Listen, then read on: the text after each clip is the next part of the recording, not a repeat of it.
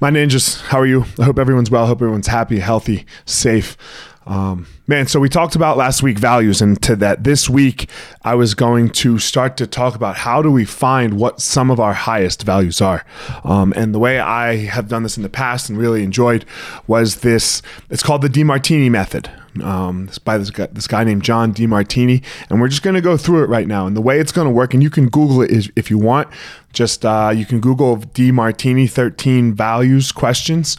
Um, and what you're going to do is you're going to make a list with thir- it's going to have 13 columns or rows and then yeah 13 1 2 3 that's a column so 13 columns and then next to it three rows okay next to the so four maybe one for the question and then three for your answers and the way it works is we're going to write down these 13 questions and then you're going to write your three number one and your top three answers. So, for example, um, the first question is How do you fill your space? What is always around you? You know, um, so that's question number one. This question number two, I'm just going to go through the 13 questions. How do you spend your time? How do you spend your energy? How do you spend your money? Where are you most organized? Where are you most reliable? What dominates your thoughts? What do you visualize the most? What do you most often talk to yourself about? What do you most often talk to others about? What inspires you? What goals stand out in your life and have stood the test of time? And lastly, what do you love to learn and read about? So you can rewind and write those questions down. So, what you're going to do with each one of those questions is you're going to write out your top three answers. So, what do you learn? We'll just look at the last one. What do you learn? To, what do you love to learn and read about? I love to learn about personal growth, like how to be a more skillful person. I love to learn and read about jiu-jitsu, and I love to learn and read about leadership. These are my three things. Okay? So, you'll do that with with each with each question hopefully there will be some overlap. You know, for example, what dominates my thoughts? My kids dominate my thoughts, coaching dominates my thoughts, and leadership dominates my thoughts. So you can see coaching jujitsu, okay, they're almost the same.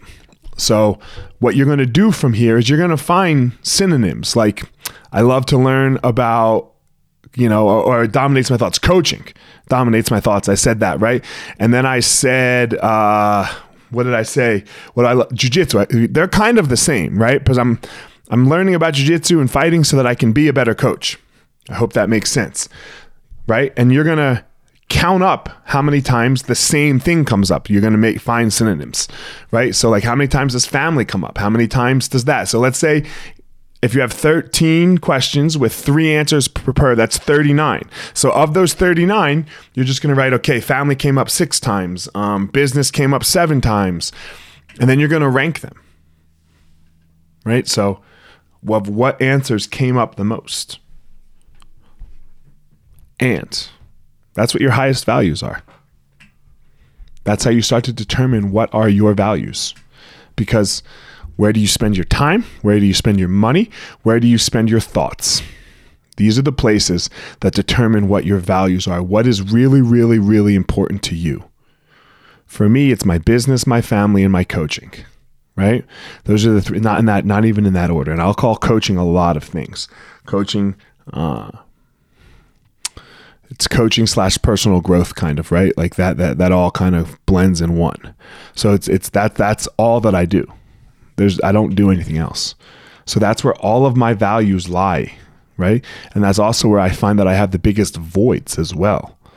Is is in these places because it's where I want to become more skillful. It's where I will be spending more of my time. It's where I will be doing all the things that I want to be doing even when I go, look, I'm about to go on vacation. When I go on vacation, it's going to be all family. And, you know, coaching and leadership and business will go down a little bit. But if, if, I'm going to do anything else, it's going to be those things. When I read a book, it's going to be about those other things. It's not going to be about anything else. I don't, I don't do any, I don't read for fun. I don't really consume information for fun. It's not, uh, it's not fun for me. I want to be more skillful.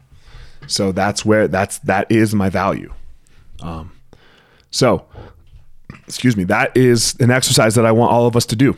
Um, if you want, you can email them to me. So email them to me and we can go through them. We can, you know, and, and it's one of those, it's a, it's a really great exercise. So if you're listening to this and you would like more, um, Elliot at elliottmarshall.com and you can email me your answers and then we can start to like, you know, dive into it and delve into it and see where it leads us. So um, I'm excited for you to do it. But again, the 13 questions, if you want to hear them again, how do you fill your space? I mean, like what's around you, right? Like what's around you? My phone's over here, things like that, right?